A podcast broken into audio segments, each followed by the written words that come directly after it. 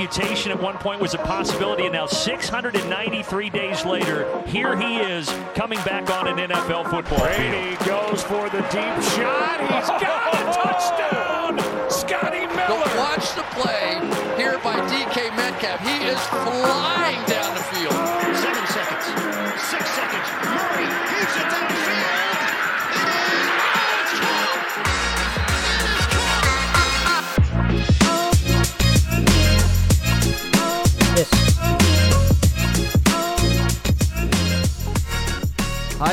dat je luistert naar weer een nieuwe aflevering van de Sport Amerika Fantasy Voetbal Podcast. We gaan alweer naar weekend 11. Het einde komt langzaam in zicht. Maar gelukkig valt er weer genoeg voor te bespreken. En net als elke week doe ik dat niet alleen, want aan mijn zijde zit Lars Leeftink. Goedemiddag. Ja, Lars, we zijn weer met z'n tweeën. hè. We hadden het er vorige week over. En zelden dat we met z'n drieën weten aan te sluiten hier samen met Jimmy. Maar eh, ja, Jimmy die geniet eh, van een zeer welverdiend weekendje weg. Dus die is er deze week niet bij. Laten we hopen dat we volgende week wel weer op volle sterkte zijn. En ook dus met z'n drieën dan kunnen terugkijken naar Thursday Night Football. Nou ja, goed. Gelukkig, Lars, voor deze week hebben we geen drie mensen nodig om terug te kijken naar Thursday Night Football. Nee, sterker nog, ik denk dat we volgens mij eh, alleen het vierde kwart even hoeven te benoemen om eh, aan te geven hoe ja, redelijk eenvoudig, geweldig de Patriots zijn. hoe, eenvou- ja, hoe eenvoudig de zege eigenlijk was. Want het, was, eh, ja, het bleef op zich heel lang wel spannend. Dat is dan wel weer vrij bijzonder ook als je kijkt naar eh, dat de Patriots eigenlijk ook ja, volgens mij twee keer zoveel offensive yards hadden als, eh, als de Falcons. Het is eigenlijk bizar dat je in het, in het ja, derde kwart, vierde kwart dat nog maar 13-0 staat. Eh, maar goed, ja, dan helpen de Falcons het vierde kwart zelf al een handje mee. Met, met volgens mij drie interceptions of zo alleen in dat Vier. kwart al. Vier zelfs, nou moet je Op nagaan. Dat, eh, ja, weet je, dat, eh, dat, gaat, dat gaat niet heel erg helpen, we maar zeggen. Ik denk dat iedereen die, eh, die de Patriots defense heeft, dat die, nou niet alleen deze week, maar ook de afgelopen vier weken heel erg tevreden zal zijn met wat die produceren. Dat zeker. Nou, even terugkijkend op de wedstrijd als geheel, inderdaad wat je zegt. het was eigenlijk nooit close, maar de score wel. Ehm, Mac Jones speelde vrij goed. Wel typisch Patriots spel, hè? Passes 5 à 10 yards, af en toe een balletje iets verder, maar echt geen, ja, geen opzienbarende plays eh, wat dat betreft. Ja. Ehm, op een gegeven moment merkte hij dat hij in een ritme kwam en toen werd hij een heel klein beetje, eh, ja, zal het overconfident zijn, gooide hij een pick. En eh, dat, op dat moment stond het nog 13-0. En toen dacht ik heel even van, oeh, zou dit misschien hè, een momentum change? Zou dit misschien het moment zijn dat eh Matt Ryan en de Falcons eh, in actie komen? Maar ja, niets plek minder waar. De hele Falcons offense was missing in action. En miste natuurlijk al langere tijd Calvin Ridley. Cordero Patterson was er niet bij, was questionable tot aan game time. Maar werd uiteindelijk buiten de wedstrijd gehouden. Zeer opvallend trouwens, Lars, Mike Davis. Ja, ja, begin van het seizoen toch gedoodverf, running back 1 bij de, bij de Falcons. Was zelfs bij het ontbreken van Cordero Patterson niet running back 1 bij de Falcons. Nee, hij had eh, drie carries, één yard in totaal. Dat is niet veel. En eh, ja, degene die wel gezocht was, was eh Quadri Ollison. Die, nou ja, op zich ook niet zo heel veel bijzonders deed. 9 carries, Nou, wel 34 9, yards. 9 carries. Ik bedoel, dit, dit was natuurlijk gamescript, werkt natuurlijk Ja. tegen de run game daar. Ja. Maar ja, dat was inderdaad de lead back. Ehm, er was volgens mij nog een andere, ben even zijn naam kwijt. Maar er was nog een andere die ook meer carries had dan Mike Davis. Ja, we hebben het al vaker gezegd, Mike Davis, hoe, hoeveel pijn het ook doet. Want we hebben natuurlijk, Jimmy en ik allebei zaten erg op de Mike Davis hype train voor het seizoen. Ja. Hoeveel pijn het ook doet, eh, Mike Davis mag van je team af eh, richting de waivers. En zal daar waarschijnlijk de rest van het jaar gewoon blijven En staan. ook eh, opvallend dat ja, Wayne Goldman, die was vorige week nog wel redelijk productief. Maar die, die kreeg ook maar één carry afgelopen nacht. Voor Ja, min, was een min populaire, populaire waiver wire pick-up deze week, Wayne Gallman. Maar ook die was no nowhere to be found. Sowieso voor ehm, fantasy was het een, een lastige wedstrijd, wat je terecht zegt. Pets defense, meest waardevolle piece die je hier had kunnen opstellen. Eh, Nick Volk, 4 voor 4. eh, we misten uiteindelijk nog wel een extra punt, maar eh, 4 voor 4 eh, vanaf eh, met field goals, waarvan eentje volgens mij 52 yards of iets dergelijks. Dat, eh, dat tikt natuurlijk wel lekker aan. En Nelson Aguilar eh, van de pass catchers bij de Patriots, eh 12 12,6 pun- punten in, in half PPR. Eh, dat, da- doe je het natuurlijk ook wel voor. Ehm, interessante situatie blijft natuurlijk, eh, de, de running backs hè, bij, de, bij de Patriots. Ja, nou ja, goed. eh Damien Harris volgens mij weer, weer terug van die, van die Ja. concussion. Had eh 10 carries, 56 yards. eh, op zich keurig. Maar goed, je ziet wel dat, dat Stevenson ook zijn carries wel verdiend heeft. Dat kan ook te maken hebben natuurlijk met het feit dat, eh, dat ze Harris rustig willen brengen. Ik weet niet precies hoe, hoe die situatie daar dan is. Maar Stevenson had wel 12 carries, 69 yards. Eh, deed daar weer leuke dingen mee, net zoals vorige week. En eh, ja, weet je, ik weet niet of dit betekent dat we een, een split backfield met die twee gaan krijgen. Ik denk het wel. Ja, nou, ik, ik neig daar ook naar. Maar uh, ik ben toch benieuwd, zeker volgende week als Harris weer een weekje langer, uh, langer fit is, uh, of die situatie dan ook nog zo is. En ik denk dat ja. als dat dan zo is, dat het wel richting een split backfield gaat. Ja, en um, je zegt terecht, hè, 10 voor, 9, 10 voor 56 volgens mij voor, voor Harris. En uh, Stevenson had dan 12 voor 69. Ja, als je die twee bij elkaar optelt, dan heb je een schitterende running back 1. Oké, okay, het liefst heb je dan wel een touchdown erbij. Maar ja, ja uh, zolang ze gesplit worden, heb je een beetje de Broncos-situatie. Net als hè, met Melvin Gordon en Javante Williams. Ja. ja. dat dreigt hier ook te gaan gebeuren. Ik denk dat het wel duidelijk is dat de Patriots veel zien in Stevenson. Uh, nou is het natuurlijk vaak wel zo dat de, de, de, de running back die halverwege het seizoen zijn kans grijpt, vaak ook down the stretch de belangrijkere man wordt. Dat zie je vaak. Maar zolang beide fit zijn, zullen beide spelen. En uh, wordt het denk ik lastig om ze week tot week uh, te vertrouwen in fantasy voetbal. Ja. Dus dat, uh, en zeker als je nagaat dat Brandon Bolden in de passing game, hè, dat is, die heeft een beetje de James White rol overgenomen. Want Stevenson zagen we vorige week nog wel wat catches maken. Deze week maar één target en een catch. Harris hetzelfde trouwens. Dus nee, voor de Patriots blijft dat heel lastig te voorspellen. En ook bij de pass catches. Ik zei het al, Aguilar, nou aardig goede game. Maar dat komt omdat hij een touchdown ving. En uh, Mac Jones heeft naar negen verschillende spelers gepaast. Hij heeft gewoon alle beschikbare opties heeft hij gebruikt. Jonu Smith, Hunter Henry, uh, de, alle, alle running backs. Ja, zolang je zo de bal verspreidt, eigenlijk zoals Brady dat in zijn jaren bij New England ook altijd gedaan heeft. Hè, zolang er niet een target monster daarop staat, zoals een Gronkowski back in the day, zoals een Edelman. Ja, ja dan wordt het heel lastig om uh, überhaupt iemand daar te gaan, te gaan vertrouwen, helaas. Ja, nee, wat dat betreft, weet je, als je, als je dan zou moeten zeggen van wie is dan nog het meest, uh, meest fantasy waardevol, zou je misschien zelfs wel bij Mac Jones uitkomen. Ook al valt ja. dat ook eigenlijk wel mee. Nou ja, voor fan nog niet, maar op langere termijn uh, wellicht ook richting volgend seizoen. Ja. Uh, want het is wel duidelijk dat Mac Jones ja, zichzelf redelijk aan het vinden is momenteel in het spel. Nou ja, en, het was van tevoren natuurlijk, aan het begin van het seizoen zeiden we ook van als er één quarterback is die op dit moment kan starten en ook meteen een team goed kan maken, ja. dan is dat Mac ja. Jones. Uh, zeker in het systeem van, van de Patriots. En je zag natuurlijk aan het begin was het af en toe uh, wel wisselvallig, maar had niet, niet die verschillende, eh, verschrikkelijke turnover wedstrijden zoals een Lawrence dat had, zoals een, een Fields dat had, zoals Wilson dat had. En hij is eigenlijk alleen maar beter geworden. En daarnaast zijn, zijn accuracy is natuurlijk tot nu toe dit jaar top 5. Ja, dat is voor, voor een rookie is dat natuurlijk uh, fantastisch. Ja, en goed, weet je, we hebben het een stuk door de jaren heen over Brady vaak gezegd, system quarterback. Ja, weet je, eigenlijk laat Mac Jones nu zien dat hij die rol in dat systeem heel goed kan spelen. Ja. De, pa de Patriot Way gaat over next man up, dat soort dingen. Maar ook over leunen op een hele goede defense en, en zelf vooral geen fouten maken. Ja. Uh, de Patriots hebben natuurlijk door de jaren heen zo vaak gewonnen doordat de tegenstander idiote dingen deed, waardoor de Patriots toch weer konden winnen. Um, ja, dit lijkt weer zo'n team te zijn die bij uitstek uh, gemaakt is om te wachten op de fouten van de tegenstander. Want je ziet het ook nu weer tegen de Falcons. Uiteindelijk wordt de wedstrijd pas beslist op het moment dat de Falcons onverklaarbare wijze vier interception op rij gooien. Ja, dan is het afgelopen. Ja. Maar zelfs, zelfs op dat moment, hoe, hoeveel beter de Patriots ook waren, hadden ze niet de firepower om op dat moment de Falcons al helemaal weg te schuiven. Dus ja, ik ben heel benieuwd. De komende, de komende twee weken worden heel interessant. Dan krijgen de Patriots uh, de Titans en daarna uh, op bezoek bij de Bills. Ja. Dus dat wordt, uh, dat wordt een, belangrijke, een belangrijke speeldagen voor, nou ja, voor de hele AFC, denk ik wel. Want volgens mij heeft iedereen nu toch zijn vraagtekens bij of de, deze Patriots nou legit zijn. Of dat ze. Hè, dat, nou goed, dat gaat de komende weken uh, blijken. Nou ja, precies. Want weet je, als je kijkt, ze hebben nu inderdaad 5 keer een winning streak. Maar als je kijkt tegen wie, hè, de Jets, de Falcons, de Browns, die op dat moment zeker niet op hun allersterkst waren. Nee. De Panthers bijvoorbeeld. Ja, dat zijn niet de tegenstanders waar je zegt van, poh, dat, dat zijn lastige tegenstanders. Ze hebben ze natuurlijk wel compleet afgemaakt, eigenlijk alle vier. Nou, de Chargers uh, zat er nog tussen. Dat ja, de Chargers. de meest, de meest opvallende of meest indrukwekkende overwinning. Om het zo ja, te maar de, de, de, komende vier weken, hè, want uit tegen de Colts is niet makkelijk. En de Bills, dat, ja, thuis vervolgens dan ook nog eens een keer. Ja, ik bedoel Titans, Bills en daarna de Colts en dan weer de. Bills. Uh, ja. ja. die vier wedstrijden die gaan wel een beetje, een beetje bepalen of ze bijvoorbeeld die divisie ook uh, nog zouden kunnen winnen. Ja, de playoffs liggen denk ik, uh, nou ik wil niet zeggen dat ze die sowieso gaan halen, maar ze krijgen zowel de Dolphins als de Jets nog een keer, volgens ja. mij. dus Jaguars. Dat, oh, Jaguars, sorry. Ja. Dus dat, ze, ze sluiten in ieder geval vrij simpel af. Dus dat, dat zou dan nog een push kunnen geven, mocht dat nodig zijn. Maar in hoeverre ze dan eventueel in die playoffs iets uh, zouden kunnen gaan doen, ja, dat zal inderdaad de komende vier weken uh, moeten blijken. En de Falcons, ja, die, uh, er is there's always next year, zeggen we dan. Toch? Precies. Ja. Is het trouwens het laatste dingetje over Thursday Night Football in deze wedstrijd, Lars? Is het tijdperk met Ryan in, in Atlanta nu toch wel een keer voorbij? Uh, nou ja, weet je, bedoel, dit is wel het eerste seizoen. Weet je, hij is natuurlijk uh, de, misschien wel over de afgelopen jaren de meest consistente quarterback geweest die, die er is. Wat voor wapens die ook om zich heen had, wat voor offensive line die ook had. Hij, hij bleef gewoon goed en heel erg lang goed produceren. Alleen ja, wat je, wat je dit jaar uh, ziet, dat, ja, dat is toch niet heel erg best. Zeker de afgelopen weken niet. dus ja, misschien komt er inderdaad wel een keer een einde aan aan, aan, aan Matt Ryan. En ja, dat is eigenlijk niet echt het, het juiste moment. Want het had eigenlijk beter vorig jaar kunnen gebeuren. Als je kijkt wat voor quarterbacks er in de, de komende draft zitten ten opzichte van uh, dit jaar 2021.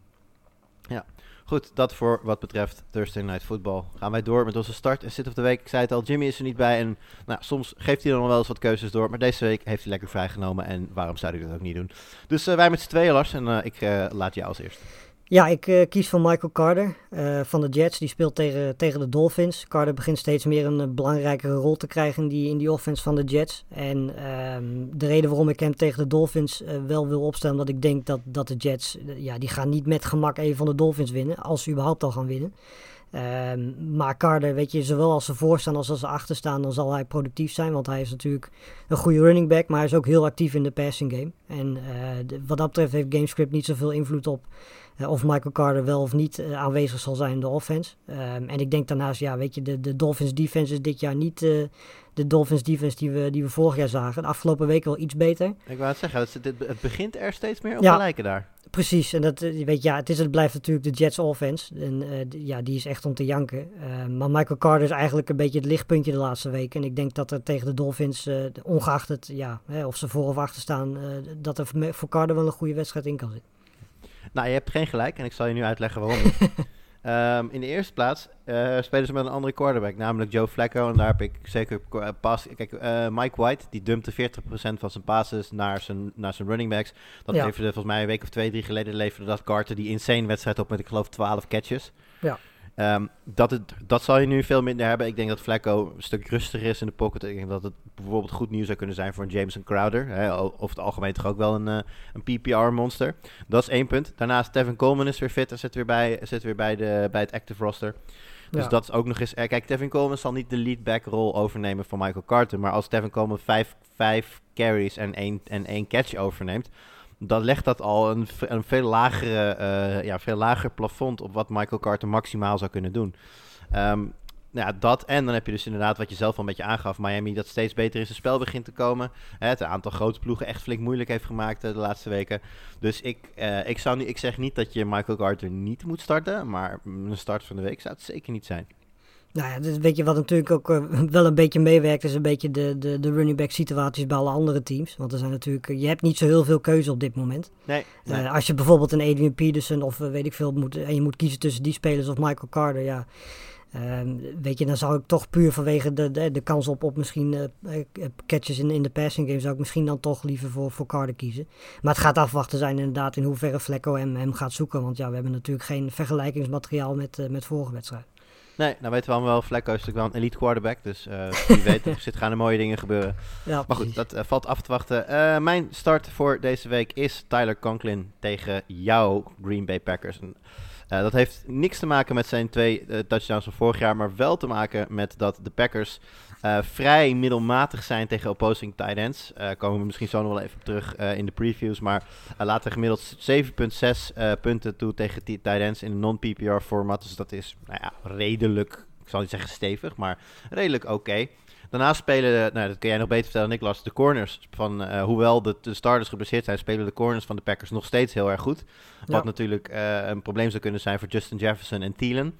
En ik denk dat uh, Cousins zijn, zijn, zijn kansen gaat krijgen in het midden van het veld en daar Tyler Conklin in gaat, gaat vinden. Nou smaakt zo'n game van vorige week met twee touchdowns natuurlijk ook wel naar meer. Dus ja, ik zou zeggen, ride the hot hand. En als je Conklin hebt, stel hem lekker op tegen de Packers. Ja, nee, ik bedoel, afgelopen week zagen we Everett het heel goed doen uh, namens de Seahawks tegen, tegen de Packers. De week daarvoor was, uh, was Kelsey ook als enige in een hele matige offensive wedstrijd van de, ja, de Chiefs. Maar dat, ook dat is Kelsey. Dat, dat, eigenlijk, dat, dat reken ik al bijna niet mee in de Ja, is zo. Als, maar goed, als Kelsey je... een touchdown tegen je maakt, ja, dat, dat is Kelsey. Nee, maar bijvoorbeeld zo'n Everett afgelopen week, dat is het perfecte voorbeeld daarvan. De, de, de ruimte ligt inderdaad zeker op de manier waarop de, de, de secondary van de Packers nu speelt, ligt in het midden. En Campbell, weet je, dat is tot nu toe een hele goede linebacker gebleken. Maar ja, zijn zwakte plek ligt toch wel in, in, in coverage. En daar, ja. uh, de, daar laat hij ze af en toe, weet je, meestal staat hij op tight ends. Nou ja, dan laat hij ze af en toe wel eens een steekje vallen. En dan zal Conklin degene zijn die daarvan uh, profiteert. Ja, goed. Jouw uh, zit voor deze week, Lars? Uh, ja, Mike Williams. En dat is niet per se omdat Mike Williams geen goede, uh, geen goede receiver is. Maar meer omdat hij ten eerste uh, ja, een beetje kwakkelt met, met blessures. Hij is niet 100% fit. Speelde wel vorige week, geloof ik. Um, daarna speelt hij tegen de Steelers defense. Um, en dan is er nog reden drie. En dat is dat en Keelan Allen ineens de, de favoriete target is. De laatste weken heel productief is. Um, en daarnaast Herbert ook gewoon ja, niet, uh, nog niet zichzelf is dit seizoen. Heel wisselvallig presteert. En ja, de Steelers defense is niet een defense waarvan je dan in één keer denkt van... Oh, Herbert gaat daar een fantastische wedstrijd tegen spelen. Um, dus als ik die drie dingen bij elkaar optel... Uh, kom ik bij Mike Williams uit als mijn sit van de week. Wat eigenlijk bizar is als je nagaat hoe hij de eerste ja, vier, vijf weken aan het spelen was. Ja, wat, wat, wat daar nog in meespeelt, ik denk dat je gelijk hebt. Maar wat daar nog vooral ook in meespeelt. Dus vorige week uh, speelden de Steelers natuurlijk tegen de Lions... Um, ja. Nou ja, de Lions. Uh, volgens mij ging het hier in, uh, in de Round the NFL podcast hebben ze het hier ook over gehad. Wat heel frappant was, was dat iedereen op een gegeven moment zag dat Jared Goff niet fit, in ieder geval niet 100% was. En eigenlijk geen enkele bal meer normaal kon gooien. En je wist op een gegeven moment, de Lions gaan over de grond aanvallen. Ja. En de Steelers konden dat gewoon niet stoppen. Althans, tot op zekere hoogte wel natuurlijk, want het was een low-scoring game. Maar ja, je, uiteindelijk, de Lions hadden genoeg succes om in de wedstrijd te blijven tegen de Steelers. Omdat ze ja, toch af en toe wel wat first downs konden pakken, wat yards konden pakken over de grond. Terwijl iedereen en zijn moeder wist dat ze gingen rennen. Ja. ja als je dat hebt gezien als Chargers zijnde, dan denk ik dat je je, je, je grondaanval aan het voorbereiden bent. Ja, en dat lijkt op voorhand inderdaad niet het gamescript te zijn waar Mike Williams uh, uh, in voorkomt. Waar nog eens bij komt dat, uh, kijk, als, als je bijvoorbeeld de Chargers tegenover de Cowboys of de Chiefs of zo zet, ja, dan zou je best een gamescript voor je kunnen zien waarbij de tegenstander veel scoort en Herbert dus inderdaad zijn receivers veel moet gaan zoeken. Ja, dat zal ja. hier ook niet zo snel gaan gebeuren. P Pittsburgh is ook een ploeg die het liefste rent, die de klok, uh, ja, die de klok uh, runt, die uh, ja, gewoon close games proberen te winnen met hun goede lines en goede running back. Ja. Dat, dat, dat riekt niet naar een high scoring game. Dus inderdaad, ik zou daar dan Eckler en Keenan Allen op zich nog wel vertrouwen. Maar Mike Williams wordt, wordt risicovol. Ja. Um, mijne is, um, nou, ik denk toch wel iets gewaagder sit of the week. Namelijk Mike Evans. Nou ja, wetende dat Gronkowski en zeer waarschijnlijk ook uh, Antonio Brown nog steeds niet spelen deze week, kun je Mike Evans eigenlijk niet zitten. Alleen al omdat hij samen met Godwin natuurlijk hè, de, de enige echte uh, goede receiver zijn daar. Maar ik denk dat je nu met Gamescript gaat komen. Ik denk niet dat ik met Gamescript ga komen. Ik denk dat ik met Shadow Coverage ga komen. Ah ja, okay. Want uh, onze grote vriend Mike Evans staat zeer waarschijnlijk de, de, hele wedstrijd tegenover James Bradbury. Nou, die kennen elkaar al, want uh, Bradbury speelde hiervoor in Carolina. En ja. ik, ik weet even niet meer hoeveel snaps. Volgens mij iets van 201 snaps tegenover elkaar al gestaan. Of nog meer dan dat. Ik heb geen idee. Maar die kennen elkaar vrij goed. Uh, en ik geloof dat uh, Bradbury's shadow coverage op Evans voor meer dan de helft van de keer een incompletion heeft opgeleverd. Ik geloof 30 catches voor Evans in totaal. Vier interceptions van Bradbury. En ik geloof drie, twee of drie touchdowns van Evans. Nou ja, goed, het is over zoveel seizoenen. Dus daar kan je voor zo'n zo'n losse wedstrijd. En vooral met Bradbury natuurlijk ook op een ander team. Niet per se heel veel mee. Maar ik, eh, ik word er altijd een beetje huiverig van. We, we zien dat toch met, hè, de, met de beste shadow coverage uh, uh, cornerbacks. Zien we toch vaak dat ze goede receivers helemaal uit de wedstrijd kunnen halen. Een Latimore, een, nou ja, een, een Jair Alexander als hij fit is. Dat zijn toch jongens waar je altijd even naar moet kijken als je zeker als het een team is dat ervan houdt om zijn cornerbacks te laten shadowen. En ja. dat doet James Bradbury. Die volgt uh, heel vaak de nummer 1 wide receiver van de tegenstander. En aangezien Mike Evans natuurlijk de grootste dreiging is, zeker in de red zone, is toch wel de verwachting dat dat een uh, matchup gaat worden. En dat doet mij uh, vermoeden dat Brady, die nou ja, het, als geen andere goed is in het vinden van wie er maar ook vrij staat, andere opties gaat zoeken. Bijvoorbeeld twee ballen of drie ballen op Cameron Braid in de endzone. Je weet het zomaar niet. Dus uh, nee, als er ooit een week was waar ik uh, Mike Evans niet zonder nadenken op zou stellen, dan is dat deze week. Ja, en ik, ik denk ook dat Gamescript wel uh, tegen hem gaat werken in deze wedstrijd. Want ik, ik kan me niet voorstellen, ja, het is gevaarlijk zoals de Buccaneers op dit moment spelen om te zeggen dat ze, dat ze redelijk makkelijk deze wedstrijd gaan winnen. Maar de Giants, ja, weet je, daar word je op dit moment niet zo heel vrolijk van. Um, en ik, kan me niet voorstellen dat, dat de Buccaneers daar uh, het heel lastig mee gaan hebben. En ja, weet je, als je dan op een voorsprong staat, dan heb je natuurlijk altijd Fournette ja. en uh, ja, zelfs Ronald Jones nog, waar die ook mag wezen. Um, maar die hebben ze nog, ja, dan ga je daar ook gebruik van maken, denk ik. En dat zal niet uh, in, de, ja, in het voordeel van Mike Evans zijn. Ja, dat is natuurlijk in brede zin wel zo. Alleen, ik denk, dus ik, de, de Buccaneers zijn redelijk gamescript onafhankelijk. Brady's aanval is wel altijd een pass-first offense. Ja. Ook als ze voorstaan. En Brady houdt er gewoon van als ze in de red zone zijn. Om, uh, nou ja, als Gronkowski fit is. Uh, Gronk en, en nou goed, uh, 1A en 1B zijn ze eigenlijk Gronk en Evans. Dat zijn toch echt wel zijn favoriete targets in, de, in de red zone. Dus wat dat betreft, kijk, Mike Evans, als je hem, ik kan me heel goed voorstellen dat je hem op je roster hebt en ook niet per se een betere optie hebt deze week. Dus dan stel je hem op. En ja, je hoeft je er echt niet slecht over te voelen. De kans dat hij een touchdown vangt aankomend weekend is nog steeds best groot. Maar ja, het is een, eh, het is een pittige, pittige verdediger die hij tegenover zich heeft. Dus uh, denk, sta daar in ieder geval bij stil als je je keuzes gaat maken. Goed, dan gaan wij door naar de rest van uh, deze. Uh, of was eigenlijk naar de voorbeschouwing, naar de rest van week 11. En dat begint natuurlijk met even melden wie er niet spelen. Namelijk de Denver Broncos en de Los Angeles Rams. Die genieten van een weekje vrij. En uh, ja, Lars, we hadden het net heel snel over. dat zijn toch een, een, heel aantal spelers die je dan met maar twee teams bij ineens mist. Ja, uh, Matthew Stafford, Daryl Henderson, Cooper Cup, uh, Van Jefferson, Odell Beckham Jr., Tyler Higbee, Melvin Gordon, Javonte Williams, Noah Fant, Jerry Judy, Cortland Sutton, Tim Patrick. Dan staat Bridgewater hier nog niet bij. Uh, nou ja. goed, weet je, zo kun je nog wel even doorgaan. Het, ja, het zijn maar twee teams, maar er staat toch zeker een stuk of tien namen wel, ja, je had zelfs nog, tussen. je had zelfs, ik denk dat heel veel mensen de Rams wel standaard als hun, als hun DST hebben staan. Ja. Uh, de ja. Broncos zullen er veel mensen ook gestreamd worden. Uh, met, volgens mij is uh, Matt Gay is de kicker, denk ik, van, van de Rams. Die wordt er ja. veel mensen opgesteld. Dus ja, je, je hebt bijna het hele, ik denk je het hele rijtje wel compleet hebt. overal vallen mensen weg. Ja, precies. Dat is een flink lijstje. Ja, ja, en helemaal natuurlijk. Nou, even, even, extra aandacht. Ik denk dat vooral Cooper Cup natuurlijk, hè, de wide receiver 1 van de league, die er niet bij is. Um, nou, Daryl Henderson en de beide running backs van de, van de Broncos natuurlijk ook lastig te vervangen pieces. Ja. Maar goed, die zijn er niet bij. Wij gaan verder uh, met de ploegen die er wel bij zijn. En daar moet ik heel even iets bij uitleggen. Want na vorige week uh, spraken Lars, Jimmy en ik elkaar nog heel even na. En toen hadden we zoiets van, ja, is het eigenlijk niet raar dat we een hele voorbereiding doen van allemaal wedstrijden. En dat we eigenlijk de helft van de wedstrijden niet bespreken, omdat we daar dan gewoon niet aan toe komen. We willen het altijd zo rond een uur houden. En belangrijker, we weten ook van elkaar niet wat we gaan kiezen. Dus dan kiest er e- iemand een wedstrijd waar de ander zich totaal niet op heeft voorbereid. Dat is natuurlijk niet handig. Dus wat we nu gaan doen is, we kiezen van tevoren zes wedstrijden uit die we wat uitgebreider uh, voorbeschouwen. En dan aan het einde van die voorbeschouwingen, dan doen we nog heel even een kort uh, overzichtje van de overige wedstrijden. En dan vertel ik je bijvoorbeeld dat uh, je moet opletten of Alvin Kamara al wel of niet terug is bij Saints tegen de Eagles. Dat betekent dat we die wedstrijd niet uitgebreid gaan voorbeschouwen, maar dan zorgen we in ieder geval dat we uh, de belangrijkste punten die je moet weten voor je, voor je opstelling wel even genoemd hebben. Want vorige week hebben we inderdaad bijvoorbeeld niet genoemd dat Kamara met een uh, knieblessure kampte en uh, dat hij wel eens niet zou kunnen spelen. Die speelde inderdaad niet.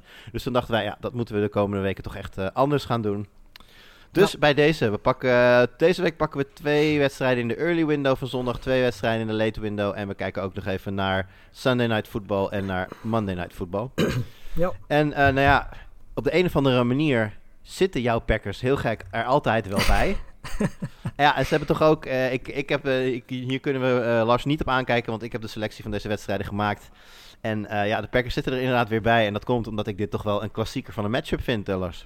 Uh, ja, zeker. Zeker ook omdat er natuurlijk uh, heel veel interessante namen voor fantasy rondlopen. Uh, ja, bij de Packers natuurlijk Aaron Jones vorige week uitgevallen.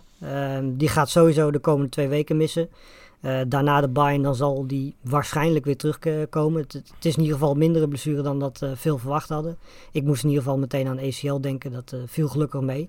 Maar dat betekent dat ja, AJ Dillon de komende twee wedstrijden helemaal losgaat. En iedereen die AJ Dillon heeft, Um, ja, die gaat daar denk ik heel blij van worden. Ook ja. gezien uh, uh, hoe moeilijk het op dit moment is om, om überhaupt running backs te vinden die productief zijn in, uh, in fantasy. Dus ja, AJ Dillon gaat daar zeker iemand voor zijn. Want hij is met de aanwezigheid van Aaron Jones al, al tamelijk productief. Ja, ja jij zei vorige week natuurlijk, Lars, dat volgens mij was AJ Dillon jouw, jouw buy. Of ja. van haal hem in huis, want hij gaat het stokje even overnemen van, van Aaron Jones. Nou, dat heb je heel goed Ik had het liever op een andere manier gezien. Dat heb je heel goed gezien, inderdaad. Maar dit is precies de reden dat wij ook in, in, in de podcast rond het draftseizoen altijd zeggen van...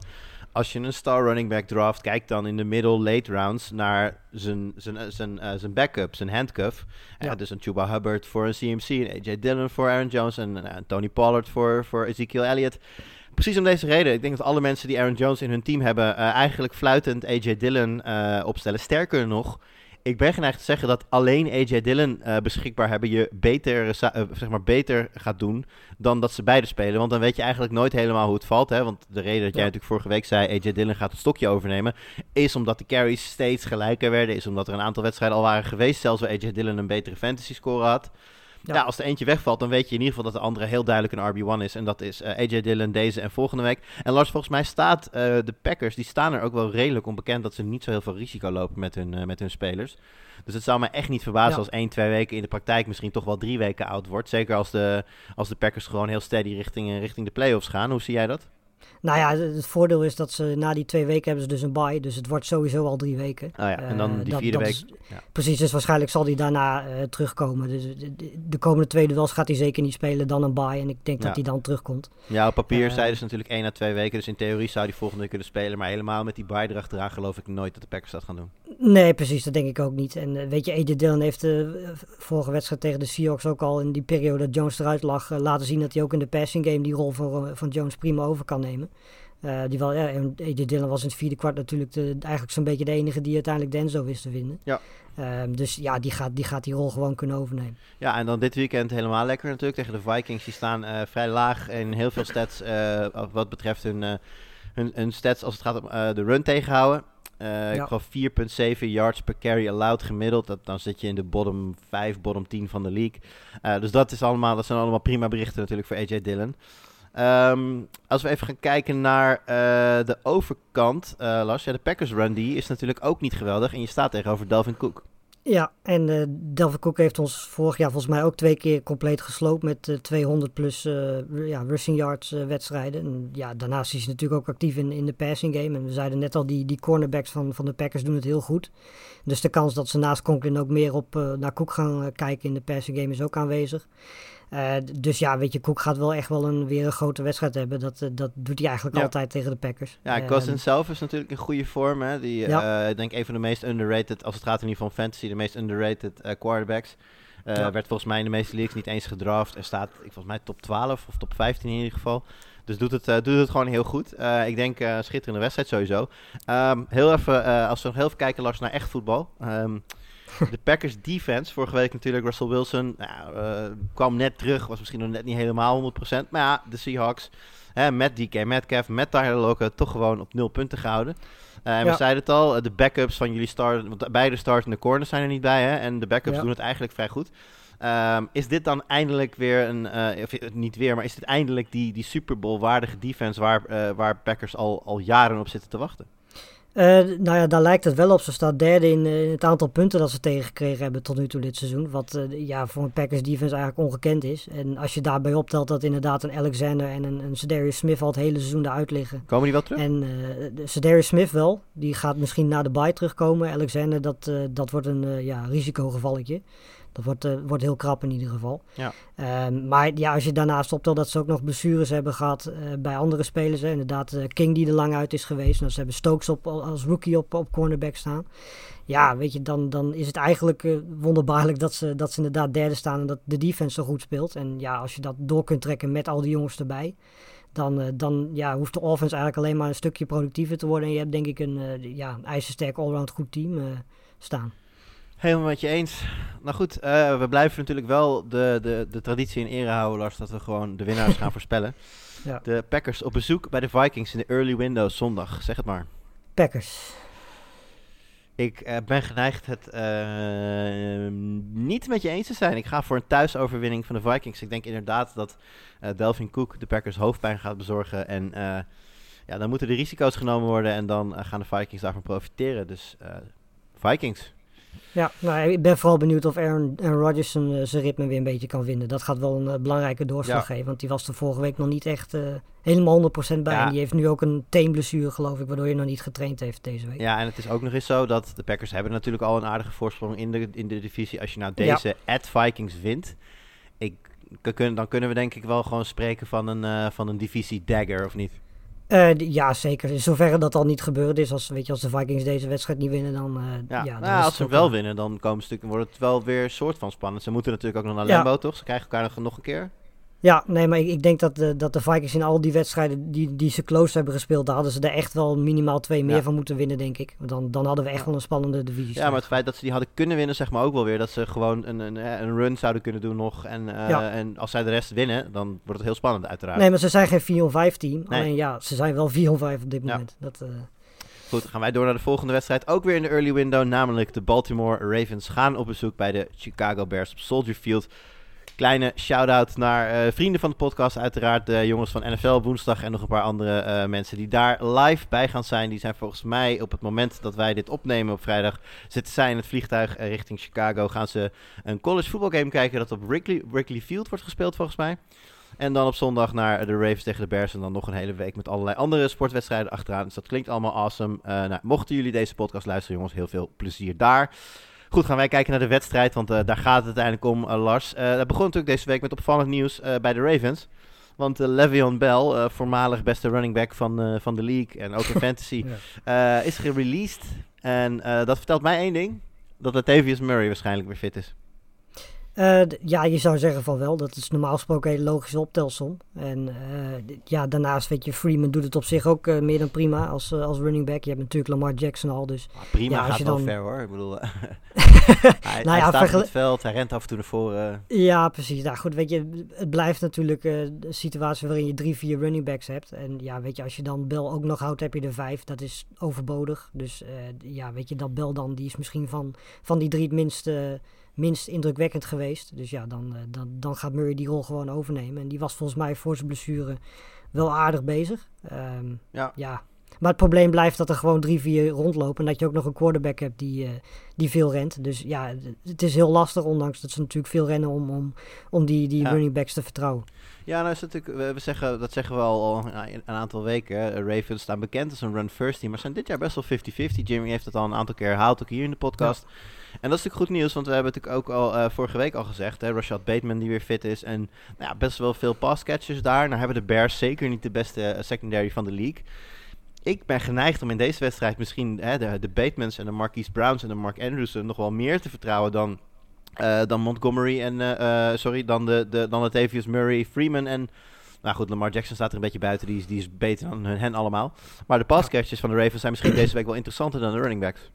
Ja, nee, dat denk ik ook. Ik denk, weet je, Brown is en blijft natuurlijk wel een, receiver die, die echt ja, wel afhankelijk is van, van grote plays en van lange diepe ballen. Dat, dat is en blijft een dingetje bij hem. Want ja, als je eh, zeg maar vorige week al ziet, zes catches, uh, 37 yards. Ja, weet je, het is en blijft, had 13 targets. Het is en blijft iemand die hit of mis is. Mis is. Um, Andrews en Bateman zijn wat dat betreft misschien iets, iets ja, betrouwbaarder wat dat betreft. Je weet een beetje meer van hun, wat hun floor is. Dat heb je bij Brown wat minder. Uh, maar dit zou wel zo'n wedstrijd kunnen zijn waarin Brown in één keer weer uh, 15 à 20 fantasy punten scoort. Ja, dat, uh, en uh, ik, ik heb ook wel vertrouwen in Andrews tegen, tegen de Bears. Moet daar ook wel een aardige score in zitten. met als risico natuurlijk wel dat het een low scoring game zou zijn. Want de Bears hebben, kregen natuurlijk vorige wedstrijd hun, hun leadback David Montgomery weer terug. Daarvoor ja. speelde Khalil Herbert die rol eigenlijk prima, maar ja, uh, eigenlijk een beetje tegen de verwachting in. Iedereen had verwacht toen Montgomery terug was van, nou, die zal wel enigszins rustig teruggebracht worden. Ja, niets van dat alles. Hij kreeg meteen, en ik, ben de, ik heb de, de totale verdeling niet voor me liggen, maar hij had veruit de meeste, de meeste snaps en de meeste carries. Dus die ja. is gewoon terug in zijn uh, RB1-rol. Betekent dat ook meteen dat je Herbert uh, ja, in redraft leagues gewoon kan droppen? Uh, ja, dat denk ik wel. Weet je, mede ook omdat, uh, omdat ze nu de benen van Fields ook uh, steeds meer gebruiken de laatste vier weken. Ja. Ja, denk ik dat dat voorlopig wel de reden is. Weet je, in Dynasties moet je hem gewoon lekker houden. maar in redrafts is, is Herbert op dit moment, zelfs met de situatie bij overige running backs, niet interessant. Want Montgomery Fields staan daar duidelijk boven op dit moment. En uh, met het betere spel van Fields de laatste weken, uh, heeft dat ook nog iets gedaan met jouw uh, vertrouwen in de passcatchers bij Chicago, Mooney en Robinson. de Ravens ja, staan niet, zijn, zijn geen, zeker geen slechte def defense, maar ook niet het top van de league. Ja. Hoe zie jij dat? Ja, de, ik vind het heel moeilijk, want weet je, Mooney had ik van tevoren dit seizoen wel een beetje gedacht, hè, verwacht als een, een soort breakout seizoen voor hem. Ik dacht, weet je, we hebben dat ook wel in één of twee wedstrijden gezien van hem, dat die connectie met, met Fields er wel is. Maar het is en blijft een beetje, een beetje wisselvallig. Nou ja, Robinson kent ook absoluut niet zijn, zijn beste seizoen. Je zou zeggen dat dat gedurende het seizoen uh, die connectie beter wordt. En dat, dat zien we eigenlijk op zich de afgelopen drie wedstrijden, behalve dan tegen, tegen de Buccaneers, uh, hebben we dat ook wel gezien. Um, alleen ja, de vraag is of dit dan de wedstrijd is waarin, waarin ja, de, de, het, de arm misschien van Fields meer gaat spreken dan, dan de benen. Want tot nu toe zijn, zijn het toch vooral de benen geweest die in fantasy in ieder geval zijn, zijn punten opleveren. Ja, inderdaad. Ik moet wel zeggen, als ik, als ik... Robinson weet ik niet, maar als ik Mooney had... Kijk, ik heb een team waar ik bijvoorbeeld Michael Gallup deze week moet opstellen. Omdat ja. ik gewoon geen, door, door blessures en bij geen, geen andere opties heb.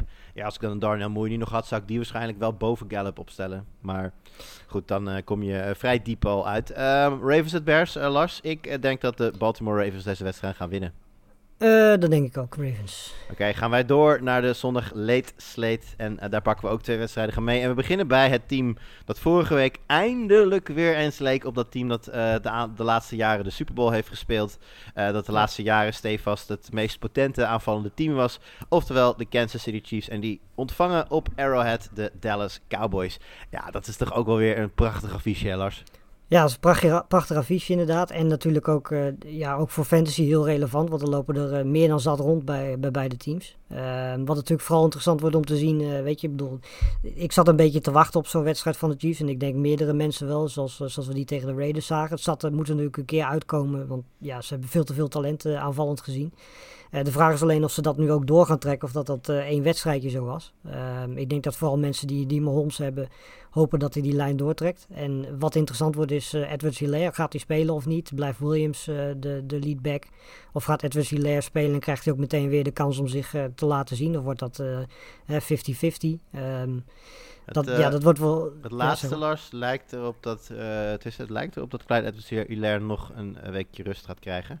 En ja. uh, in week 12, dus volgende week, hebben de Chiefs ook een bye.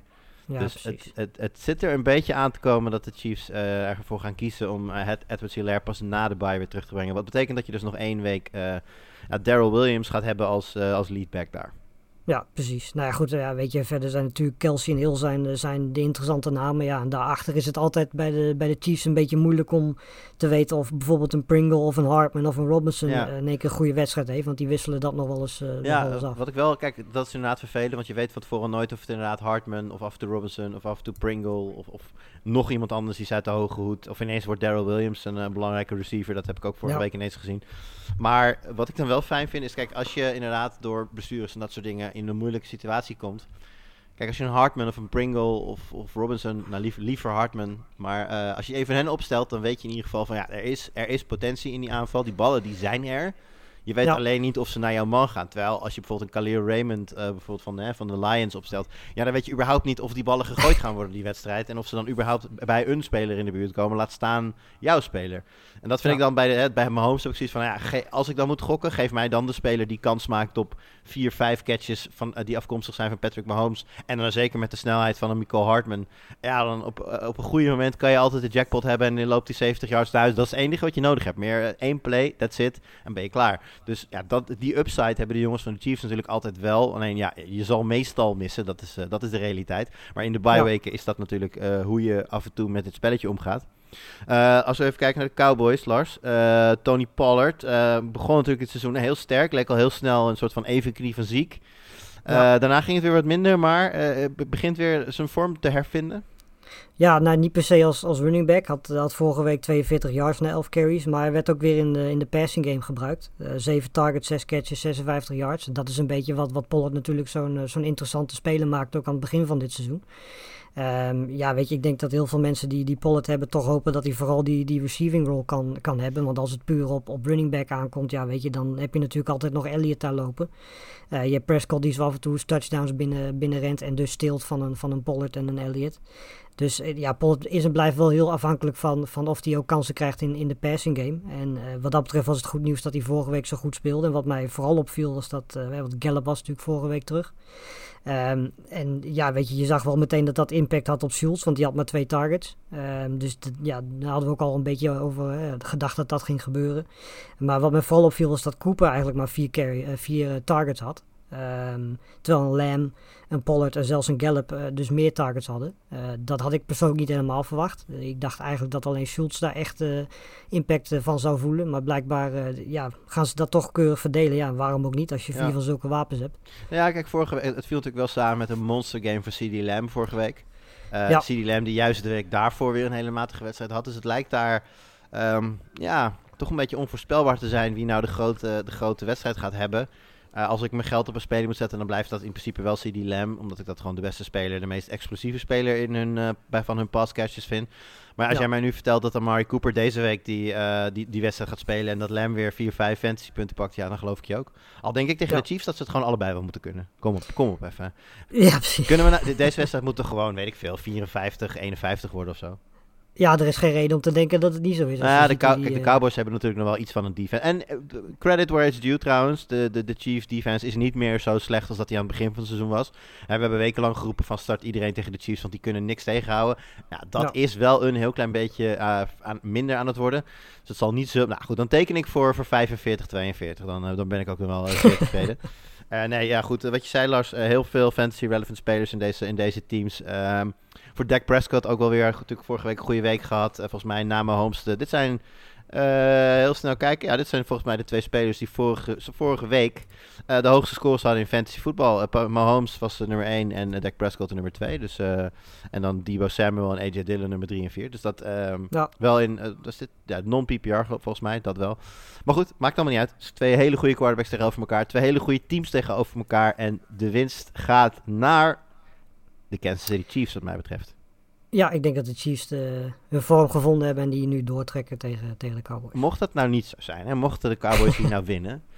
Ja. Vorige week was natuurlijk de get right game. De, als iedereen zei, hè, hè, daar zijn de Chiefs. Dit, dit zijn de Chiefs zoals ze kennen. Maar als je nu één week na ja, de wedstrijd die jou back on track geholpen zou moeten hebben, in week 11, nu dan weer een klap voor je kanus krijgt. En eh, je gaat dan met, eh, met een, weer een los de bye in. Ja, wat, Ja. Wat, wat, wat zijn deze Chiefs dan? Nou ja, lastig. Dat, is- weet je, bedoel, ik denk dat eh, we hebben allemaal op zo'n wedstrijd zitten wachten. En je gaat er dan vanuit, zeker gezien het talent dat ze hebben, dat ze dat eh, doortrekken. Want ja, weet je, zoals ze tot nu toe dit seizoen spelen, eh, ja, er zit gewoon veel meer kwaliteit in dat team. Dat hebben we de afgelopen jaren ook gezien. Ehm, maar goed, ja, weet je, de tegenstanders die ze krijgen de rest van dit seizoen zijn echt geen makkelijke tegenstanders. Ehm, en ja, weet je, als ze bijvoorbeeld tegen de Cowboys weer verliezen, dan ga je toch twijfelen over of die vorm eh, op, eh, op consistente basis nog, eh, nog gaat komen. Ja, en als de Chargers dan ondertussen winnen van de Steelers, eh, dan verliezen de Chiefs de leiding in de, in de AFC West. En Ja. staan ze ook meteen achter de Patriots in de wildcard race. Dus het is eh, heel stiekem in deze, vooral ook omdat ze natuurlijk zelf volgende week niet in actie komen, is het heel stiekem best wel een belangrijke wedstrijd nog voor de, voor de, voor de Chiefs. Ja. Dus we gaan het zien, maar goed, wij kallen allebei wel de Chiefs. Misschien ook wel juist daarom. Ze zullen zichzelf wel, eh, eh, zelf wel realiseren dat ze niet veel meer kunnen laten liggen. En dat geldt uiteraard ook voor de, voor de ploeg die vorige week een hele mooie donut op het scorebord zette op Lambo. Namelijk, eh, of nee, ja, wel, was op Lambo, speelde eh, ja. de Seahawks. Ook deze week weer een uitwedstrijd voor de Seattle Seahawks. Gaan namelijk op bezoek bij de Cardinals. Ja, en daar valt natuurlijk een heleboel over te vertellen, Lars. Ja, nou ja, goed, we moeten het weer over, eh, over Murray en Hopkins hebben. Dat hebben we volgens mij de laatste twee, drie weken zijn we dat al aan het doen. Toen speelden ze allebei niet. Ehm, zover ik weet, eh, heeft Murray gezegd van ja, ik, ik train op dit moment niet, maar in principe zou ik zonder trainen gewoon kunnen starten. Ehm, dus de kans dat hij gaat starten is wel volgens mij iets groter dan de afgelopen eh, twee weken. Maar ja, in beide gevallen gaat het gewoon weer game time decision zijn. En dat gaat natuurlijk eh, ja, heel veel impact hebben op bijvoorbeeld een, een, een, eh, de receivers die er overig zijn. Hè. Kirk is op dit moment eh, bij de Cardinals de meest gezocht op het moment dat bijvoorbeeld een Hopkins er niet is. Ehm, dus dat gaat impact hebben op Kirk, maar het gaat sowieso op alle receivers impact hebben. Of je daar, nou ik weet eigenlijk niet eens of McCoy fit is, want volgens mij had hij ook een, een blessure. Maar ja, of Murray daar nou staat of een andere quarterback, dat maakt natuurlijk wel een verschil. Ehm, wat dat betreft denk ik dat de enige waar je nu redelijk zeker over kan zeggen dat hij productief gaat zijn, dat is James Conner. Want die, eh, die is op dit moment niet houden. Nee, nee, die heeft ook de mazzel dat hij geen, eh, geen Chase Edmonds eh, nog naast zich heeft. Deze volgens mij ook komende week. Ja, Ino Benjamin, tweede running back, natuurlijk niet echt een factor geweest tot zover. Nee, nee ja, ik, ik was benieuwd of, die misschien, eh, of ze misschien eh, toch weer naar zo'n split backfield gingen zoals ze dat deden toen, toen Edmonds er was. Maar dat was eigenlijk niet, eh, niet het geval. Benjamin was eigenlijk, eigenlijk een non-factor en ik denk niet dat dat komende week in één keer anders Ja. gaat zijn. Goed, aan de kant van de Seahawks dan. Russell Wilson zal voor velen in mid-fit een startende quarterback zijn. Hij heeft natuurlijk Ja. die pin in zijn handen. ehm, leek, daar, leek in ieder geval zichzelf nog niet helemaal vorige week. Eh, ja, weer een week rust, weer een week verder, goede week getraind. Ik heb er redelijk vertrouwen in. Uh, ja, ik denk het ook. Ik denk ook dat het geval Rusty was dat hij vooral gewoon heel lang niet gespeeld heeft. En uh, dat zag je ook in een paar passes die die, die gewoon miste. Ja, dat die zei hij zelf overigens ook. Hè? Dat in, uh, in de persconferentie werd er natuurlijk uiteraard gevraagd naar die pin en of hij er last van had. En toen zei hij, ja. had hij het over twee passes die ja, net, niet, net niet goed van Eentje overthrown en eentje net niet, net niet goed. Dat hij ook zei ja. van ja, dit, dit, dit zijn passes die, die, die maak ik normaal gesproken gewoon. En dat is ja, goed, even een beetje inkomen. Daar gooide hij het zelf ook op. Hij hij verschool zich zeker niet achter, achter zijn blessure. Nee, precies. Dus weet je, ja, je zou zeggen gedurende de wedstrijden die hij speelt dat hij alleen maar beter gaat worden. En dat, uh, de, ja, dan is misschien de Cardinals niet per se de, de, de, makkelijkste tegenstander om dat dan meteen met tegen te doen. Ja. Uh, maar goed, ja, we hebben met Kevin Lockett vorige week, die kregen wel gewoon hun targets. Uh, werden wel vaak gemist door, door Wilson, maar ja, en, en Everett was, was vorige week natuurlijk als een soort uh, ja, safety vel midrange uh, ja. wapen was hij natuurlijk ook productief. Dus dat zijn wel de drie om, uh, om in de gaten te houden. Ja, en aan de running backs. Ik, ja, dat blijft ja. een probleem. Dat, ik, ja. toevallig Piet Carroll heeft donderdag een update gegeven. Of ja, eigenlijk geen update gegeven. Want er werd uiteraard op een persconferentie gevraagd naar de status van Chris Carson. En ja. Uh, de normaal de running back 1 daar natuurlijk uh, heeft zijn, een, zijn, zijn nekprobleem, wat een, nou ja, goed, een, een blijvende situatie zal blijven gedurende zijn carrière, want het is een, een degenerative problem, oftewel gaat in principe nooit weg en wordt alleen maar erger. maar je kunt daar wel met voldoende rust van, van in die zin van herstellen dat het je niet dwars zit tijdens het spelen. maar het herstel loopt niet zoals gewenst en nou ja, goed, zijn status blijft voorlopig questionable. En ja. uh, als ik het zo een beetje moet aanvoelen, dan denk ik dat de kans vrij groot is dat Alex Collins dit weekend gewoon uh, de running back 1 is van de Seahawks. En dat Carson andermaal uh, moet toekijken vanaf de zijlijn, helaas. Ja, ja. dan begin ik toch een beetje te vrezen voor de jongens carrière. Ook omdat ik zoiets zelf zo... Ja, je, je, kan natuurlijk niet in het brein van een topsporter kijken. Maar als je dan toch hoort van iets waar je de rest van je leven wel blij, mee blijft dealen... Ja, hoeveel risico ga je dan nog nemen in je actieve, in je actieve carrière? Ja, zeker als, als running back natuurlijk. Hè, de positie waar je de meeste klappen Ja, uh, ja ook opvangt. dat. Dus uh, nou, het, wordt, uh, het blijft voorlopig inderdaad vraagtekens rondom Chris Carson, helaas. Laten we hopen dat hij snel ja. weer fit is. Cardinals at Seahawks. Ik vrees voor Russell Wilson en de zijne dat de Cardinals deze wedstrijd gaan winnen. Ja, als, als Murray en Hopkins erbij zijn, zeker. zonder hen twijfel ik wel iets meer. Maar ja, ik denk dat de Cardinals deze ook winnen.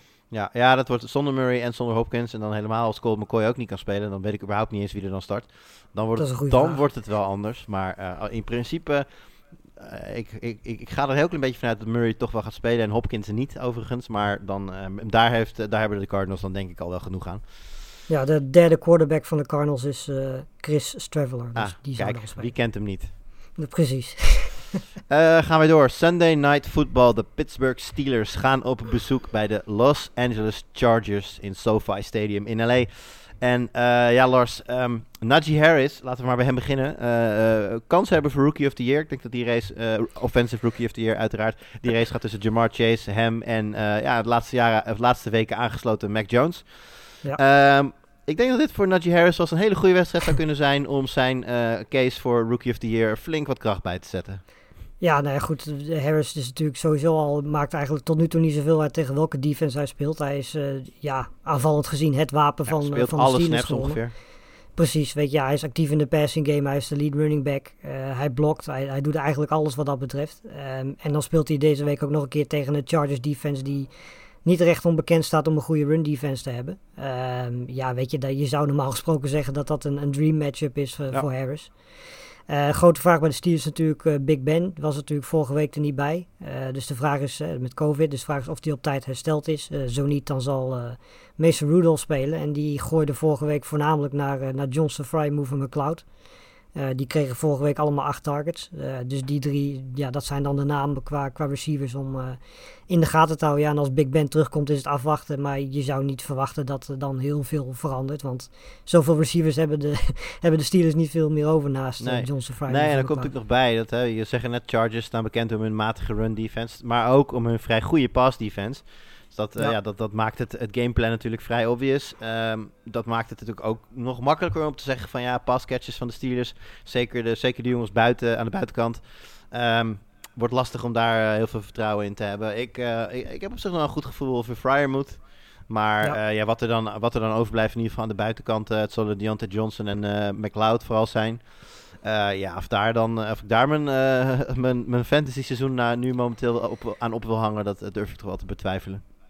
Nou ja, zeker als, weet je, ik bedoel, met Big Ben is dat al twijfelgeval. Maar als Rudolph gaat starten, dan, uh, ja, dan wat mij betreft hooguit frye move. Maar veel verder dan dat ja. uh, zul je niet komen. En aan de andere kant, uh, ja, Herbert, Justin Herbert, vorig jaar natuurlijk schitterend seizoen gehad. We hebben hem een aantal keer, ook voor het seizoen al gezegd van ja, dit wordt zijn, zijn sophomore year, zijn breakout year, noem het allemaal maar op.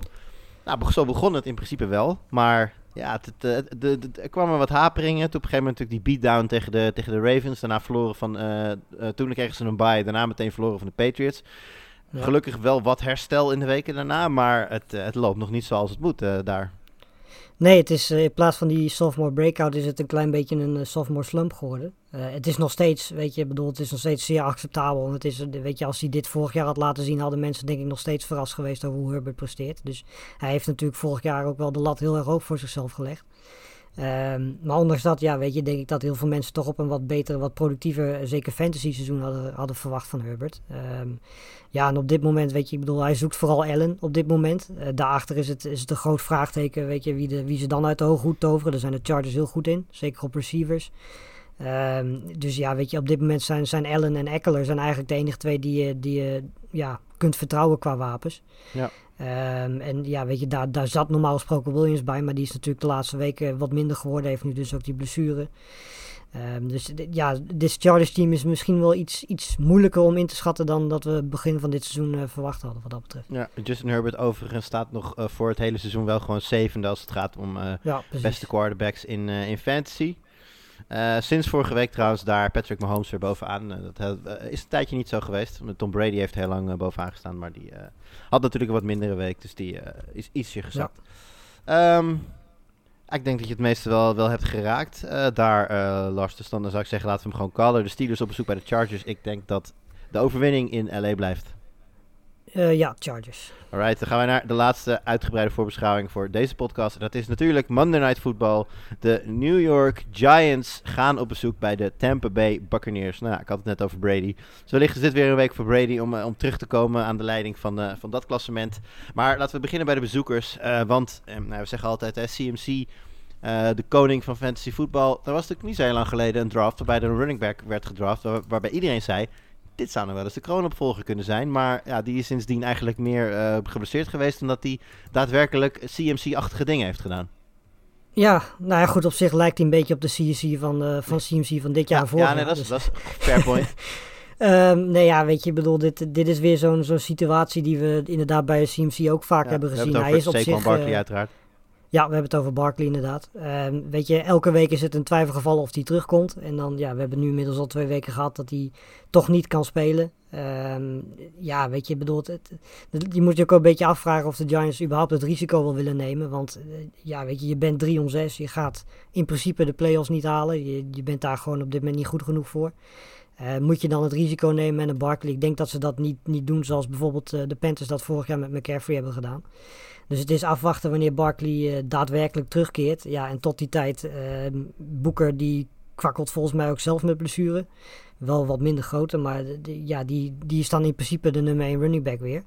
En de, ja, dit is eigenlijk een beetje een, een verhaal wat we zo langzamerhand elke week wel kunnen herhalen. Ja, ja, en dat hoor je. Dat, ik, ik blijf het al zo frustrerend vinden bij running backs. We hadden, we hadden het bijvoorbeeld net over Chris Carson. Maar inderdaad, uh, Christian McCaffrey hebben we natuurlijk ook vaak meegemaakt. Dat hij week op week, komt hij terug, komt hij niet terug, toch maar niet. Weet je wel. Dat blijft ja, nu met Camara ook. Camara inderdaad, daar staat weer een vraagteken achter. Dat zou ook zomaar meerdere weken kunnen gaan, uh, kunnen gaan duren. En Aaron Jones, dat zou ook zomaar... Hè, ja. Het is mij niet gezegd dat na de bye, uh, dat hij er toch gewoon meteen alweer staat. Dus dat, maar goed, Saquon Barkley blijft een, blijft een, lang, een, een, moeizaam verhaal. quarterback Daniel Jones uh, was een van, mijn, uh, een van mijn sleepers voor dit seizoen. Ik zag de wapens die hij die, die, die tot zijn beschikking zou moeten hebben. En ik dacht, nou, dat zou dan wel eens een leuk, leuk seizoen kunnen worden voor Daniel Jones. Maar daar, nou ja, ook door het wegvallen van het merendeel van die wapens. Um, ja. Er komen er een aantal terug. Volgens mij, Shepard is questionable. ja, het is wel trending naar niet spelen, maar zit er in ieder geval wel weer aan te komen. Zou dit een wedstrijd kunnen zijn voor Daniel Jones... waarin hij zijn, zijn goede vorm van de eerste weken weer terugvindt, Lars?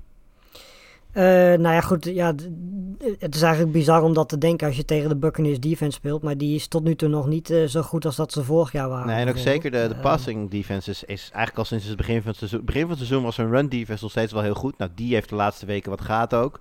Maar de passing, ja. de passing defense is dan wel iets beter geworden. Maar daar blijft ze ook gewoon een beetje mediocre. Dus het is zeker niet gezegd dat je niet kan scoren tegen Tampa. Precies, weet je. En ja, de- uiteindelijk heeft hij natuurlijk nu met, met Engram, hè, die zien we de laatste tijd ook wat meer actief zijn. Ook deels omdat eh, natuurlijk de rest er niet bij is. Eh Golladay heeft op zich ook nog niet het seizoen waar iedereen van tevoren wel een beetje van eh, verwacht had dat hij dat zou hebben. Weet je, hij heeft wel meer dan genoeg wapens nog steeds. En als die anderen ook terugkomen, ja, dan ligt het niet aan de wapens in ieder geval dat hij niet productief kan zijn. Dus ehm, dan gaat het vooral liggen aan of de offensive line hem die tijd kan geven. En Ja. ja. of hij dan vervolgens ook die, die receivers kan gaan vinden. Het is gewoon zo jammer dat ze niet allemaal tegelijk een keer fit zijn. Want je hebt, je hebt gewoon op papier Ja. met Sterling Shepard, met Galladay, met Kadarius Tony, ehm, met inderdaad Engram. Met je, ze zijn allemaal wel meerdere wedstrijden weg geweest. En eigenlijk volgens mij nog geen enkel moment eh, zijn ze, of Sleten vergeet ik trouwens nog, zijn ze, ze zijn geen enkel moment met z'n allen fit geweest. Dat is toch wel jammer. Ik, bedoel, Ja. ik, denk- ik denk dat ze dit seizoen in, eh, in New York ook anders hadden voorgesteld. Dat denk ik zeker, ja. Weet je, zeker als je, als je Barkley het hele seizoen al bijna eh, ziet kwakkelen met, eh, met blessures weer. Nou ja, het, eh, dingen je anders voorstellen, dat eh, zal in eh, Tampa Bay de laatste week ook wel een aantal keer gebeurd zijn. De, de, de, ja, de trotse Super Bowl-houder begon natuurlijk ijzersterk aan het seizoen. Maar ja, heeft de laatste week toch een aantal eh sapers te pakken. Waaronder vorige week uiteraard tegen de Washington voetbalteam. Die was pijnlijk, omdat er natuurlijk voor, vooraf veel gepraat werd over hè, de storyline dat Taylor Heineke het vorige, in de playoffs vorig jaar de Buccaneers nog heel lastig heeft gemaakt. En daar, daarover, heeft, eh, daarover werd gezegd van ja, maar wij wisten niet dat Heineken ging starten. Eh, als we dat wisten hadden we een ander gameplan en dan hadden we het heus wel beter gedaan. Ja, als je dan eh, zo'n zo'n punch in de mouth krijgt van, van de Washington voetbalteam, dan komt dat natuurlijk wel even aan. Ja, goed, we zagen, we zagen eigenlijk eventjes de oude bekende Tom Brady die niet zo heel goed tegen zijn verlies kan. Hè? Die, volgens mij liep hij na twee, drie vragen weg bij de per. Ik weet het niet precies, maar hij... eh, ja, Het was kort. het was, het was kort en er waren niet veel woorden eh, in, eh, in, die, in die persconferentie. Dat is, nou ja, goed, eh, we- is, is bekend. De, de, de winnaar in Tom Brady is niet zo heel goed in dat soort, eh, in dat soort momenten. Dat is jammer. Dat eh, zou hem natuurlijk een, nog een groter kampioen maken in mijn ogen. Hij blijft dat soort momenten toch moeilijk vinden. Ja, en dan ben ik toch eh, geneigd te denken, eh, Lars. Is dit dan, eh, is dit dan de, de, de revenge game, de, de, de, de statement game? De game waarin Brady la- wil laten zien van F you eh, league. Ik ga deze Monday Night Football in de, de, de, de, de nationwide spotlights vijf touchdowns gooien tegen de Giants. Ja, nou ja, goed. De, Giants defense is wel een defense waar je dat tegen kan doen. Dus eh, wat dat betreft zou je denken van wel. Eh, volgens mij Antonio Brown, die zichzelf overigens weer keurig in het nieuws eh, heeft weten te brengen afgelopen dagen. Ja, wat was het? Een fake QR-code toch? Of, of een ja. fake, in ieder geval een fake bewijs van, van vaccinatie. Ja, precies. Nou ja, goed. Ja, je verwacht het niet bij Antonio Brown. Maar goed, verder. eh, ja, weet je, volgens mij Gronkowski heeft ook gewoon weer volledig getraind. Ik weet niet eh, of die dan ook betekent dat hij daadwerkelijk gaat, eh, gaat spelen. Maar goed, als die terugkomt. Staat officieel als, eh, als questionable, dus daar durf ik nog niet echt een Ja. over te doen. Nou ja, goed, weet je, als die terugkomt, weet je, we hebben de eerste weken gezien hoe die, hoe die connectie was. Ja, dat hebben we natuurlijk niet af de eerste weken gezien. We hebben de hele, de hele carrière van Tom Brady al gezien.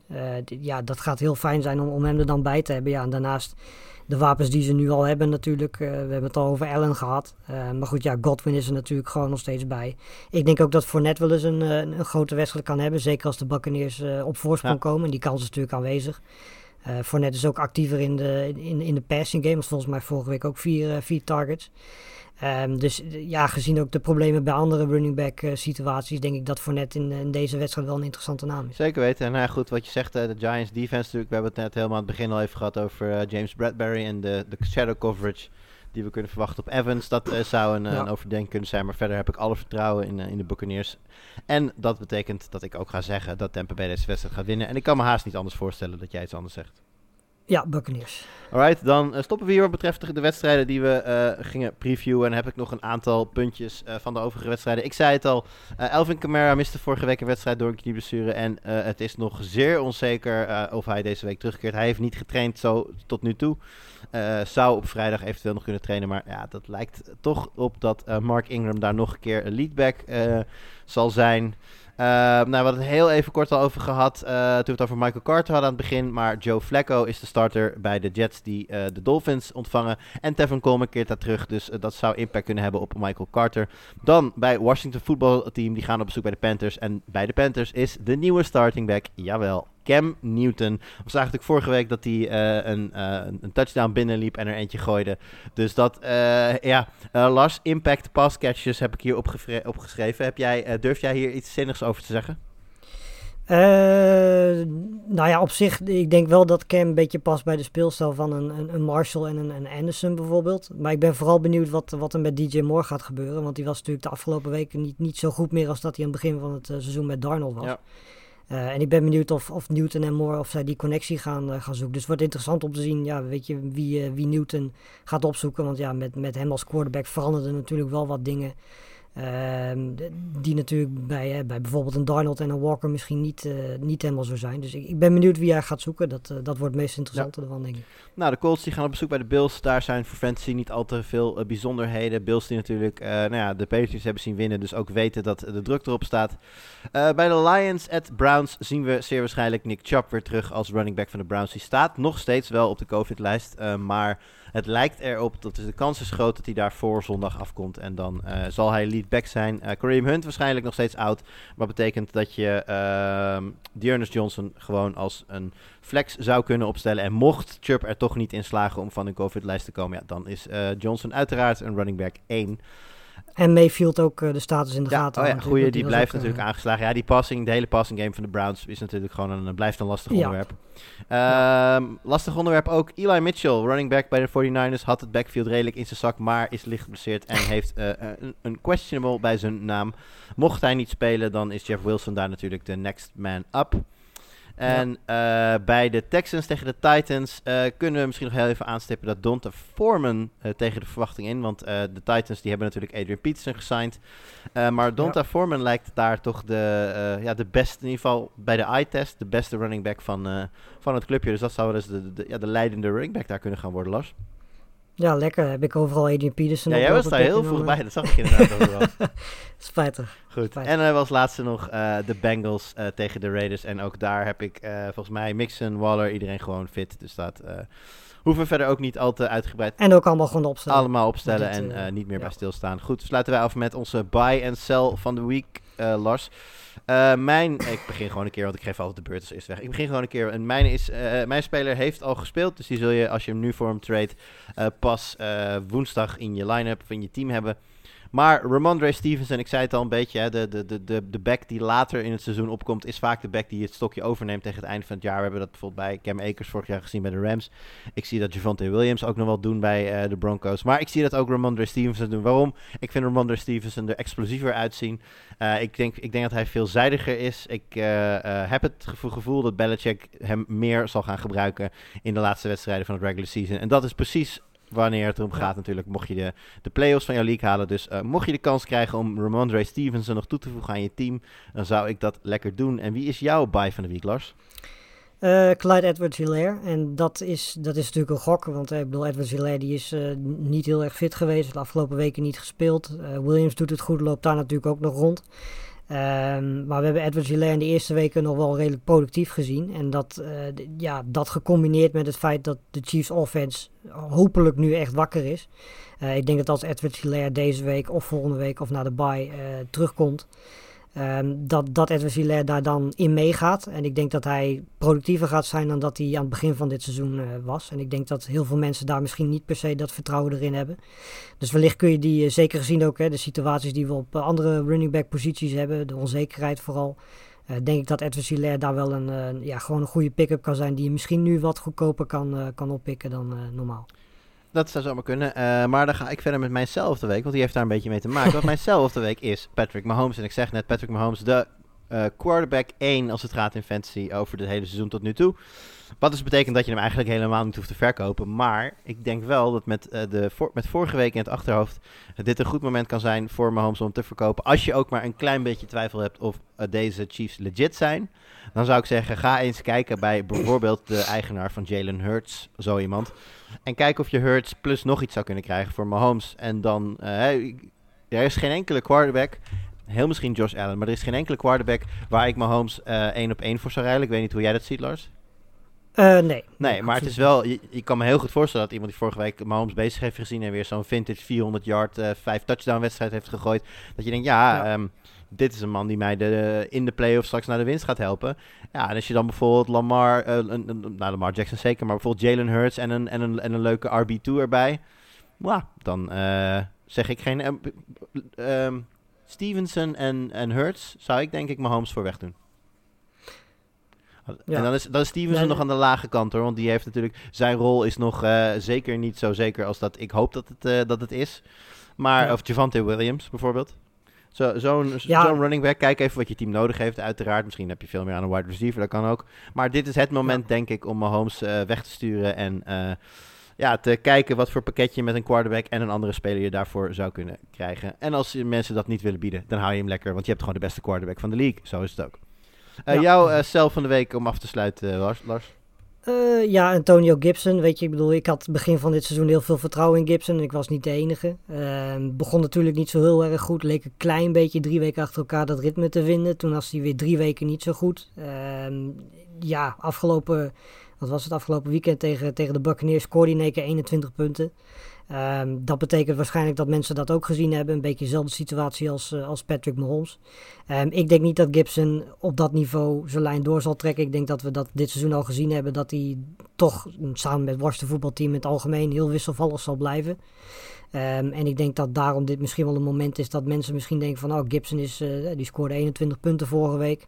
Laat ik die eens oppakken, ook wetende dat er natuurlijk op eh, de, de andere running backs eh, veel meer twijfel over bestaat. Dan gaan mensen zijn die Gibson waarschijnlijk wel willen hebben. Eh, vanwege de blessures en andere dingen. En ik denk dat Gibson dan iemand is eh, waar mensen wel interesse in gaan hebben. Zeker eh, gezien hoe die vorige week speelde. Ehm, en ik heb niet het idee dat hij die lijn op dit niveau door gaat trekken. Dus vandaar dat ik denk dat hij, als je hem nu verkoopt, je hem voor best wat kunt, kunt verkopen. Daar ben ik het helemaal mee eens, Lars. Ik heb mezelf eerder dit seizoen al getraind. En ik moet inderdaad zeggen, ik zag, ik zag Ja. hem bezig afgelopen week. Ik denk van, oh nee, het zal toch niet? Maar ik denk inderdaad dat het niet zal. En dat je helemaal gelijk hebt om Gibson nu te traden als dat kan. Goed, daar laten we het bij voor deze week. Rest mij uiteraard om eh, in eerste instantie Lars te bedanken voor al zijn geweldige adviezen. Yes. Eh, jullie bedankt uiteraard voor het luisteren. Heel veel plezier en succes aankomend weekend. En zoals altijd, niet te veel succes tegen mij. Tot volgende week.